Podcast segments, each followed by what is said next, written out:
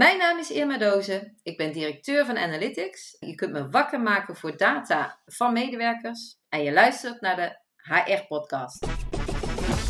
Dit is de HR-podcast van HR Academy en HR Praktijk over innovaties met impact op Human Resources Management. Welkom bij aflevering 24 van de HR-podcast over innovaties met impact op HR de eerste aflevering van het tweede seizoen. Eh, ik ben Peter van der Hout. Ik zit aan mijn keukentafel en virtueel tegenover mij zit op, ook op zijn thuiswerkplek mijn collega Pieter Lieversen. Ha Pieter. Hey Peter, hi. Vandaag gaan we praten over de boost die datagedreven HR-beleid heeft gekregen sinds de coronacrisis. Eh, klaar, klaarblijkelijk wordt het voor organisaties nu belangrijker om op feiten gebaseerd HR-beleid toe te passen. Maar waarom is dat eigenlijk? Zijn het corona-dashboard en de dagelijkse cijfers vanuit het RIVM daarvoor de inspiratiebronnen? En waar zijn organisaties naar op zoek in deze tijd? We gaan daarover praten met Irma Dozen, medeoprichter en directeur van Analytics. En dat is een consultancybureau uit Amsterdam. Dat volgens eh, de website organisaties helpt om beter te kunnen beslissen en de juiste acties te nemen door slim gebruik te maken van data. En Irma weet veel van HR en heel veel van data. Welkom Irma. Dankjewel, goedemorgen. Ja, Pieter en ik zijn, zoals ik net al aangaf, eh, nu eh, vanuit huis aan het werk. Uh, waar ben jij? Wat is jouw nieuwe normaal? ja, ik, uh, op dit moment zit ik ook uh, thuis te werken, achter een eigen bureautje. En ik wissel het een beetje af, maar inderdaad veel thuis ook, ja. Ja, en je komt natuurlijk ook Irma bij veel uh, organisaties over de vloer, nog steeds, om uh, datagedreven HR te helpen implementeren. En jij ziet dus nu uit de eerste hand uh, de groeiende belangstelling voor HR op basis van data. Maar voordat we daar verder op ingaan, heb ik eigenlijk ook nog een andere vraag. Hè. We hebben al meerdere gasten in de podcast gehad over het onderwerp data en HR. En sommigen hadden het dan over HR analytics, anderen hebben het over people analytics. En wat heeft jouw voorkeur? Ah, dat is echt een gewetensvraag, Pieter. Uh, kijk, ik weet dat het uh, in Amerika, zeg maar, wordt heel veel people analytics gebruikt. Uh, terwijl in Europa eigenlijk de term HR analytics was begonnen. Maar we nemen graag over wat de Amerikanen zeggen. Mijn voorkeur gaat eigenlijk toch uit naar HR analytics. En als volgende reden is dat ik vind People Analytics uh, goed. Eigenlijk is dat wat wij als uh, Analytics uh, ook doen. En namelijk kijken naar de perceptie die mensen hebben en het gedrag van mensen voorspellen. Maar dan is het de mens als klant of de mens als medewerker of de mens als lid van een vereniging. En dus op het moment dat je het over People Analytics hebt, dan zie ik dat breder. Ik zie dat de mens in verschillende gedaanten. Terwijl uh, human resources uh, gaat voor mij erom het gedrag van medewerkers uh, te voorspellen. Um, nou ja, en ik ben grootgebracht met marketing intelligence. Ja, dan, heb ik, dan is het voor mij makkelijk te plaatsen. Dus het is HR Analytics voor jou. Dan gaan we het nu ook over HR Analytics hebben. En uh, waarom, Irma, in deze tijd hebben organisaties nu een grotere belangstelling voor datagedreven HR? Waarom is dat nu meer dan voor de coronacrisis? Ja, uh, ik, ik, denk absoluut wat uh, Peter al zei, dat uh, wellicht een kleine stimulans ook is geweest. Eh, hè, dat, dat je ziet dat de overheid echt probeert om datagedreven besluiten te nemen. Dat, dat, dat zie je ook veel meer zeg maar, naar buiten komen dan voorheen. Maar het zit ook in de mens zelf de mensen die niet zo datagedreven zijn, die zijn gewend om te beslissen op basis van, van een buikgevoel en 20 jaar ervaring. Mhm. En we hebben geen ervaring met corona. Dat aspect waarop je een besluit neemt, valt weg. En mhm. dan willen we anderen houvast. En uh, dan blijft de, de houvast die overblijft, is data. En, en zijn er dan uh, bijzondere gebieden, aandachtsgebieden, die nu eigenlijk meer in trek zijn, of juist meer behoefte oproepen om met data geanalyseerd en benaderd te worden dan dat dat voor de crisis het geval was? Ja, nee, dat, dat, je zag als eerste natuurlijk een natuurlijke reactie was: oh, wat gaat er met mijn verzuim gebeuren? Hoeveel mensen heb ik volgende week nog? Hoeveel mensen heb ik morgen nog? Dus de, de eerste wat kwam was proberen om al je verzuimdashboards die er ook bij de vooruitstrevende organisaties al waren, om die om te zetten naar een dagelijkse. Nou, vervolgens kwam er al snel achter dat het niet alleen om verzuim ging, maar ook om verlof. Hè. Dus het eerste was gewoon metrics daaromtrent. Ja. Vervolgens gingen we met z'n allen thuiswerken. En de tweede automatische reactie is: hoe hou ik contact met mijn medewerkers? Hoe hou ik de vinger aan de pols? want ja, één keer in de twee jaar, dat onderzoek is nog een hele eind weg. Maar normaal gesproken liep je over de vloer en zag je mensen, kon je vragen stellen. Dat is weg. Dus de voice of the employee, zeg maar. Hè, het, het mhm. sentiment bij de medewerkers uh, en de uitdagingen om daar echt vinger aan de pols te houden, dat zien we. Dat heeft echt een vlucht genomen ook. En tot slot, wat gaat er veranderen? Die trendbreuk. Dus mhm. we krijgen nu echt meer de strategische vragen van oké, kunnen we een inschatting maken hoeveel mensen we uh, na corona nog nodig hebben? Dus dat, ik denk dat dat wel echt de drie, drie grote onderwerpen zijn waar, uh, die, we, die wij veel langs zien komen. Mhm. Dus het is eigenlijk verschoven van hoeveel mensen heb ik eigenlijk nog, naar hoeveel mensen heb ik eigenlijk in de toekomst nog nodig. Ja, ja. En eerst was het volgende week en nu is het uh, uh, ook over twee jaar, zeg maar. Zorgt COVID dan eigenlijk ook nog voor nieuwe vraagstukken die eigenlijk nu pas aan de orde komen en voorheen eigenlijk niet of nauwelijks aan de orde zijn geweest? Ja, weet je, de is al eens gezegd hè, dat digitalisering volgens mij de beste schop onder de kont was, uh, was, was corona. Uh, dus, uh, en dat heeft zeker dus ook een andere manier van werken. Digitaliseren zelf, maar ook echt het thuiswerken. En die combinatie, die levert echt vraagstukken op. Oké, wat betekent dit voor cultuur? En wat betekent dit voor netwerkmogelijkheden? Ze zijn echt heel veel niet alleen in zeg maar, vragen over aantallen mensen die je nodig hebt. Dus niet alleen aantallen competenties, want heb ik ineens andere competentie nodig qua voor digitalisering. Maar ook welke cultuur en, en, en structuur heb ik daarvoor nodig om dat, om dat ja, werkbaar te maken. want ja, ik hoorde pas nog van een uh, organisatie die um, gewoon waar heel dagelijks, zeg maar, op kantoor, in, in altijd in groepjes van twee, drie mensen, echt heel uh, ja, hard werd samengewerkt. Er werden, waren vaak uh, ja, deadlines, zeg maar. Dus het was heel intensief. En daar was echt de vraag, ja, hoe kunnen we dit voor elkaar krijgen als iedereen thuis zit? Hoe kunnen we dat, dat sneller, zeg maar, regelen? Nou, het is ook gewoon, en het, dat ging wel. Maar het betekent wel ja, heel iets anders, zeg maar, voor de sfeer en de cultuur. En dingen die van nature gingen, ja, kun je die in stand houden. En je, je noemde inderdaad heel veel nieuwe vraagstukken die ook uh, nu, uh, waar data voor nodig is. Um, wat meet jij daarvan? Kunnen organisaties dat dan wel leveren? Want het, de, de vraag neemt in één keer toe, bijvoorbeeld bij de HR Analytics uh, afdeling, zeg maar. Ja, ja dat, dat, dat ligt er natuurlijk aan hè, wat, wat de organisatie al, op, al heeft. we, we merkten in ieder geval dat toch organisaties bleken dat ze er nog niet zo klaar voor waren dan ze dachten. En wat organisaties dachten dat ze al data gedreven werken. En dat ze in ieder geval de dashboards en de metrics wel op orde hadden. Maar toen ze van maandverzuim naar dagverzuim moesten, toen was het oké, kunnen we dit omzetten? Een, een, een moodmeter, zeg maar, implementeren, dat eh, was lastig. Dus uh, ja, dus, er zijn organisaties die daar nog niet helemaal klaar voor zijn. Nee, en, en wat voor stappen uh, zie je uh, organisaties daarin nemen om dan toch aan die vraag te kunnen voldoen? Uh, of wat kun je doen, zeg maar?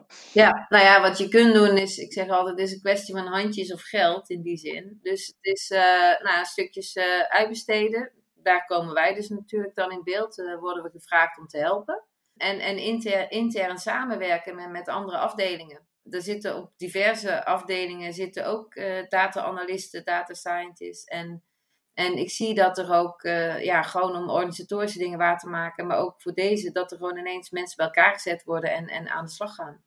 Ja, ja, dus ook inderdaad gewoon intern kijken naar mensen die je ook al hebt op verschillende andere afdelingen, om die hier ook voor, uh, voor in te zetten. Ja, maar kijk, er is gewoon algemeen schaarste aan, aan, aan data-analysten en data scientists. En dat wordt, ja, dat, dat, uh, dat wordt wel duidelijker.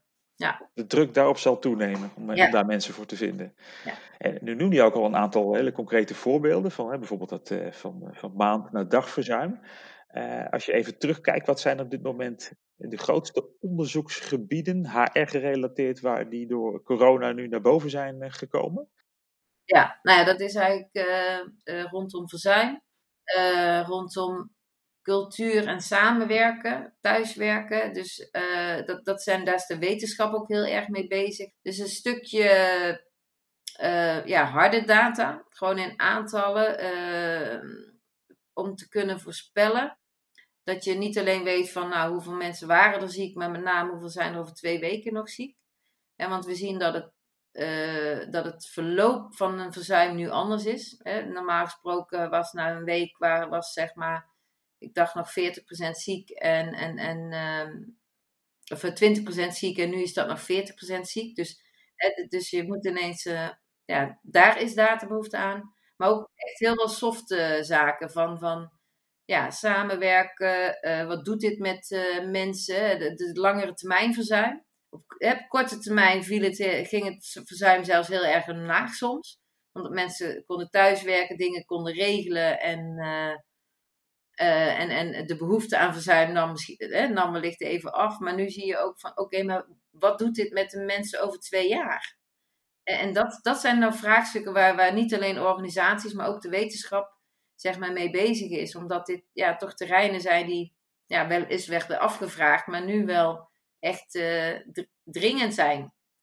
En je noemde ook medewerkersbetrokkenheid. Uh, wat voor verschuivingen zie je daarin? Want dat werd natuurlijk in het verleden ook gemeten met je medewerkersonderzoek, zeg maar, jaarlijks, tweejaarlijks. Je zult nog altijd zeg maar, af en toe thema-onderzoeken hebben. Hè, dat je ergens de diepte op ingaat. Ehm, en dat is eigenlijk waar die onderzoeken ook ooit voor bedoeld waren. Ze zijn wel eens op de verkeerde manier gebruikt, zeg ik altijd. Ehm, maar we zien nu echt de behoefte verschuiven van inzicht hè, in, in het waarom mensen wel of niet tevreden zijn, of wel of niet betrokken, of wel of niet bevlogen. Zie je nu echt behoefte om te monitoren. Hè, wat gebeurt er als er weer, uh, ja, als er weer een persbericht is geweest? Hè, of uh, wanneer we uh, weer wanneer we intern gecommuniceerd hebben dat we nog een maand zeker allemaal thuiswerken. En uh, dat monitoren, dat is echt veranderd. En dan gaat het echt meer om het sentiment meten. Dus meer van hoe voel je je nu? Dan zou je je bedrijf aanbevelen als werkgever. Of hoe vitaal ben je? dus het gaat echt meer naar de, ja, letterlijk wat je normaal in de, in, in, in de wandelgangen zou vragen. Hoe gaat het? Dus, dus frequent afvragen dan? Veel frequenter, ja. Frequenter, kort vragen stellen, ja. Dat, uh, dat zie je heel veel organisaties doen. We hebben zelf een, uh, een gratis uh, corona-check-in. Meer dan 125 organisaties zijn daar gewoon mee bezig. Om dat gewoon uit te vragen. En ja, gewoon drie vragen, vijf vragen, meer niet. Ja, en hoe vaak vraag je dat dan uit? Is dat dagelijks, wekelijks? Ja, dat, dat is dus nog een. Daar heb je keuze in. Uh, sommigen stellen het gewoon echt beschikbaar aan, een, uh, aan de medewerker. Die kan het dan zeg maar als een soort app opslaan op zijn telefoon. En dan kan hij het eigenlijk invullen wanneer hij wil. Dan is het echt, we noemen dat passief verzamelen. Dat is ook een beetje hetzelfde als dat je zo'n zo'n zo'n paal naast de deur zet. Of een, of een, een groene en een rode. En dan bij het verlaten zeg maar van nou, was een goede dag. Uh, maar dan, maar de, uh, je kunt het ook actief uitvragen. En dan uh, door even een reminder te sturen of even een nieuw linkje van vul hem alsjeblieft in. En dan zien we vaak wel de frequentie van, van week, eerder wekelijks dan dagelijks. En, en even een wat groter onderwerp, strategische personeelsplanning. Je noemde het ook al, al, al in het begin. Ja, ja, en dat is natuurlijk iets wat al heel lang op de, bovenaan op de agenda staat van, van, uh, van serieuze HR-afdelingen. Uh, maar wat over het algemeen toch moeilijk van de grond komt. Uh, heb je het idee dat dat nu wel eh, gaat lukken? Door, misschien ook door ja, een andere manier van, van of, of meer in, inspanning om data daarvoor te verzamelen? Zie je daar ontwikkelingen al in? Nou, ik, ik, we krijgen er wel vragen over. Ik moet wel eerst even zeggen dat uh, mijn persoonlijke mening is dat eigenlijk gaat het over strategische bedrijfsplanning. En, dus, en net zo goed als je moet plannen hoeveel uh, vierkante meter uh, huisvesting je nodig hebt, want daar gaan ook vragen over. Ehm, en hoeveel machines je nodig hebt. en hoeveel heb je ook een vraag hoeveel mensen je nodig hebt. Dus eigenlijk ja, het, is dus eigenlijk geen planning van HR. maar een planning van, zou, van een directie, van een MT. Hè, waar, eh, of, of van een afdelingsmanager die gewoon zijn werk moet plannen en daar ook kijkt welke resources hij nodig heeft. Dus, uh, en we zien die, die, uh, die vraag wel komen, dus ook van directies die ja, gewoon zoiets hebben, oké, maar we zien dus dat het anders kan, het werken. We zien dat we dingen die we eerst dachten dat die in persoon moesten, dat die toch digitaal kunnen. Kunnen we dat, betekent dat dat we met een ander businessmodel, ook gedreven überhaupt misschien door minder omzet uh, of, hè, of, of het vooruitzicht op moeilijkere tijden, zie je die vraag in feite nu echt van, van, de, van directies komen. Kijk, waarom is het voor HR belangrijk? En ik snap dus ook dat HR er wel eh, om zit te springen, is gewoon, zij zijn de dupe als het niet gebeurt. Hè, ze worden verrast uh, dat er ineens mensen over zijn. Hè, of, of mensen tekort. Dus het is, uh, snap dat, hè, dat HR het stimuleert. Maar uh, ja, de behoefte bestaat nu gewoon. Bedrijven kijken nu naar het geheel. Heb ik, hè, heb ik al die vierkante meters nodig? Kan ik, die, kan ik gewoon werk echt anders gaan inrichten? Kan ik misschien wel andere verdienmodellen? En betekent dus ook hè, andere medewerkers. Dus we zien daar inderdaad uh, vraag naar. En uh, ja, omdat het, je hebt niet meer gewoon doordenken vanuit uh, wat er al jaren was. We zitten gewoon in een radicale verandering. Hè, we zitten gewoon in een, uh, in een switch. En dat betekent ook dat je niet meer kunt bouwen op alles uit het verleden. En dan wil je gestructureerd gaan nadenken. Je wil kunnen kijken waar kan ik nog uh, onderbouwen. En, en, en data kan daarbij helpen, maar ook gewoon datagedreven werken is voor mij ook gestructureerd nadenken. Uh, heb ik een probleem? Hoe groot is het probleem? Waar zit het probleem? En uh, uh, wat zijn oorzaken en dan oplossingen? Dat, dat, dat zie je wel gebeuren. Ja. -hmm. Maar ik wil toch nog heel even inzoomen, Irma, op wat jij zegt. Dat je zegt van het gaat eigenlijk over strategische bedrijfsplanning. Is het dan echt zo dat jij ziet van als ik dan kom op het stuk van human resources, dat is eigenlijk een primaire verantwoordelijkheid van de top of de business. En HR is, is misschien een soort van aggregator uh, dan een initiator. Uh, dat is een goede vraag. Uh, en er is ook heel veel discussie over, weet ik. Um, kijk, als je kijkt naar de, de hele strategie, dan zijn mensen, uh, structuur en cultuur zijn drie onderdelen van alles wat je zeg maar strategisch moet inrichten in je organisatie. En uh, de, dus aan de ene kant is HR daar zeker een support in. Hè, dus zij moeten daar informatie over leveren. Uh, maar ze hebben absoluut ook uh, een stukje uh, leiderschap daarin. Namelijk, hoe ga je om met werk? Net zoals dat je aan een IT vraagt, zeg maar, om te kijken van wat is een goede architectuur, heeft HR de verantwoordelijkheid om te zeggen en wat zijn goede culturen om samen te werken? Wat moet je niet willen in, in, in, in een bepaalde organisatiestructuur? En dat is de kennis uh, zeg maar, van HR. En dat moet samenkomen met uh, de bedrijfsvoering, zeg maar, of, of de directie zegt, ja, ik wil deze producten gaan leveren. Hè? En dan door die, door die twee samen te voegen, kom je dan hoeveel je mensen je nodig hebt uh, en hoe je dat dan het beste kunt vormgeven in een cultuur en een structuur. Dus het is een uh, combinatie. Uh, je hebt al een paar keer genoemd cultuur. Hè? Dus er wordt nu op grote schaal thuisgewerkt het volgen van eigenlijk het, het sentiment is daarin natuurlijk belangrijk. Wat speelt er bij mensen die je eigenlijk op afstand ziet.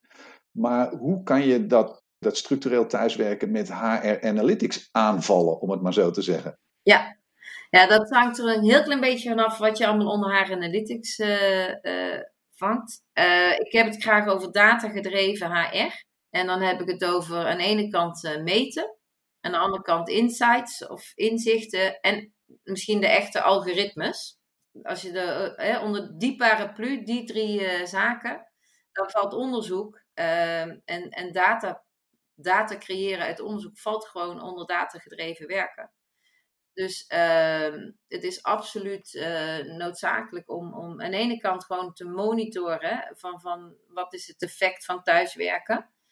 Uh, maar ook om echt die inzichten te krijgen, welke andere bijeffecten kan het hebben. Hè? Want wat doet dit met uh, het, netwerken van mensen? Hè? Of het, uh, het, het, sociale? Hè? En, en we weten nog helemaal niet wat dat bijvoorbeeld op de ontwikkeling van mensen invloed kan hebben. Hè? Ik bedoel, carrières werden wel kwamen toevallig tot stand bij de, bij de koffiemachine. Hè? Omdat je daar misschien de directeur tegenkwam. Dat, dat, dat soort dingen, de, de lange termijn effecten, hè, die zijn gewoon nog enorm onbekend. Dus, uh, ja. Maar dan praat je meer over grootschalig onderzoek over organisaties heen. Wat is de impact daarvan? Maar als ik kijk binnen de organisatie, wat kan ik dan eigenlijk meer data gedreven doen? Dat is het sentiment van mensen volgen die thuiswerken. Of de mate van verzuim. Of wat zou het nog meer kunnen zijn? Nee, maar ook diezelfde onderzoeken. Ik geloof echt in wetenschappelijk onderzoek. Maar ik gebruik het vooral om het te laten inspireren. Ook uh, onderzoekers hebben te maken met een beperkte dataset.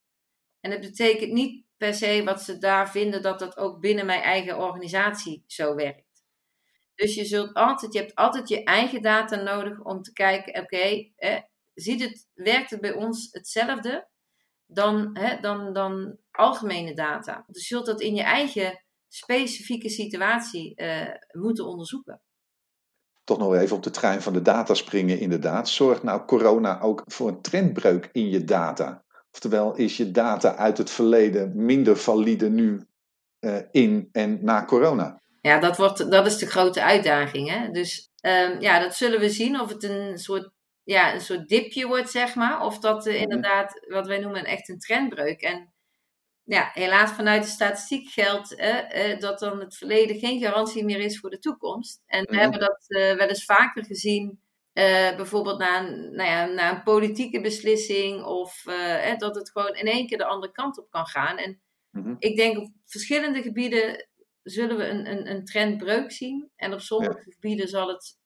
ja, wellicht na corona weer herstellen. Dat weten we natuurlijk pas als het echt zover is. En dan, betekent, dan moet je naar nieuwe, andere manieren, nog steeds data gedreven, uh, kun je meer onderbouwde, meer gestructureerde besluiten nemen. En uh, daar zijn methoden voor, zeg maar, uh, ja, wisdom of the crowd, Delphi-methodes zijn waarbij je ja, inschattingen gaat maken wat, welk scenario bijvoorbeeld de meeste kans heeft om te gaan gebeuren. Dus het is heel goed om nu al gewoon om nu in scenario's te gaan denken. Scenario 1 zou kunnen gebeuren of scenario 2, maar er zijn in beide scenario's bijvoorbeeld zaken die je sowieso kunt moeten gaan doen. Mhm. Nou, die ga je dan zoeken. Ja, dat, het, is niet allemaal harde data dan meer, maar het is wel door gestructureerd kansen in te schatten, uh, met behulp nog steeds van, van data, uh, kun je toch uh, ja, met meer vertrouwen zeg maar besluiten nemen. En, en, en wat is nu de impact uh, op HR, op HR-mensen van de groeiende aandacht voor uh, data? Moeten HR-mensen nu eigenlijk uh, massaal worden omgeschoold naar data-analysten? nee, nee, dat laatste absoluut niet. Nee. Mm -hmm. ja, dat komt misschien in een versnelling nu. Analyse, analyseren, um, maar ook zeg maar rapporteren is een ander vak dan HR. Dus nee, uh, in, in mijn beleving worden niet dat, zeg maar, HR-mensen eh, analisten. Of gaan ze allemaal statistiek moeten kunnen. Of, hè, of moeten ze allemaal kunnen programmeren.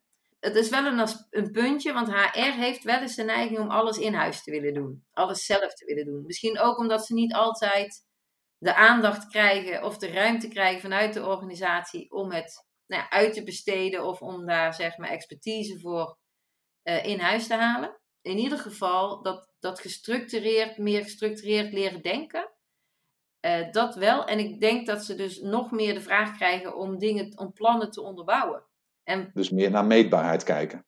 Ja, en dan, uh, en dan krijgen we. En waar hangt dat vanaf? Hè? Welke factoren maakt dat sommige mensen juist productiever worden en sommige niet? En wat moeten we daar uh, dan beschikbaar stellen? Hè? Hoe moeten we dat vanuit HR, vanuit de organisatie zeg maar, optimaliseren. Zodat het voor de mensen individueel, zeg maar, eh, de beste manier van werken is. Irma, nog een paar afsluitende tips en adviezen van jouw kant dan. Uh, als je het even zo samenvat en mensen die nu dit hele verhaal hebben gehoord, van wat zou je ze nou adviseren als het gaat om datagedreven HR, om te gaan, nu nog te gaan doen, wat ze misschien nog niet hebben gedaan voor de crisis?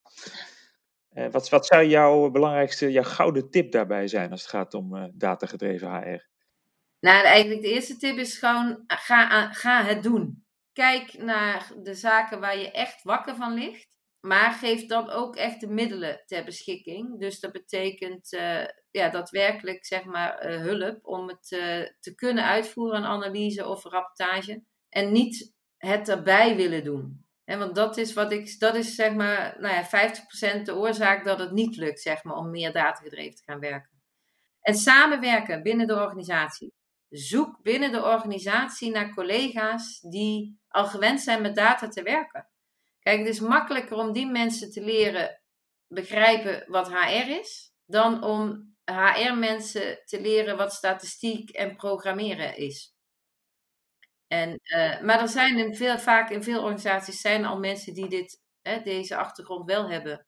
En die het hartstikke leuk vinden om een keer een heel ander onderwerp op te pakken. Lijkt me een hele goede, want ik, ik, vroeg me inderdaad ook af, stel dat je niet in een grote organisatie zit, je hebt niet de luxe van een afdeling van, wat kan je dan toch nog doen dit gebied? Om van de, eigenlijk van onderbuik naar meer data gedreven te gaan. Ja, nou, je hebt dus sowieso, zeg maar, er zit dus het stukje in meer gestructureerd werken. Dus het is sowieso goed om je HR-professionals uh, wel te, te inspireren en, en te ondersteunen. Uh, om dat, uh, om dat te leren kijken naar grafieken, te leren kijken naar tabellen, maar ook leren om, om een goede vraag te stellen. Om een onderwerp, zeg maar, om te zetten naar gestructureerde probleemstelling eigenlijk wat we geleerd hebben zeg maar, in onze studie. Dus dat is wat iedere HR-professional moet leren. Ik zeg altijd, hè, de vraag op welke afdeling werken relatief meer mannen, is een andere vraag dan op welke afdeling werken mannen relatief meer. Ja. een heel klein verschil, maar het levert een andere uitkomst op, zeg maar een andere analyse. En dat moeten HR-professionals leren. Maar je krijgt enorm veel frustratie als je ze dat leert en je geeft ze vervolgens geen analist die ook daadwerkelijk dingen kan uitvoeren. Dus je moet aan beide kanten zul je moeten gaan werken. En dat vraagt toch om een stukje investering in, in, in tijd uh, dan wel in geld. Irma, bedankt met deze tips en bedankt voor jouw heldere inzichten in uh, datagedreven HR. Uh, daarmee zijn we aan het einde gekomen van weer een aflevering van de HR-podcast over innovaties met impact op HR. Wil je reageren op deze aflevering of heb je suggesties voor gasten voor een volgende aflevering? Laat het ons en andere HR-professionals weten. Schrijf dan een recensie op Apple Podcast of stuur een mail naar redactie.hrpodcast.nl. Bedankt voor het luisteren en tot de volgende HR-podcast.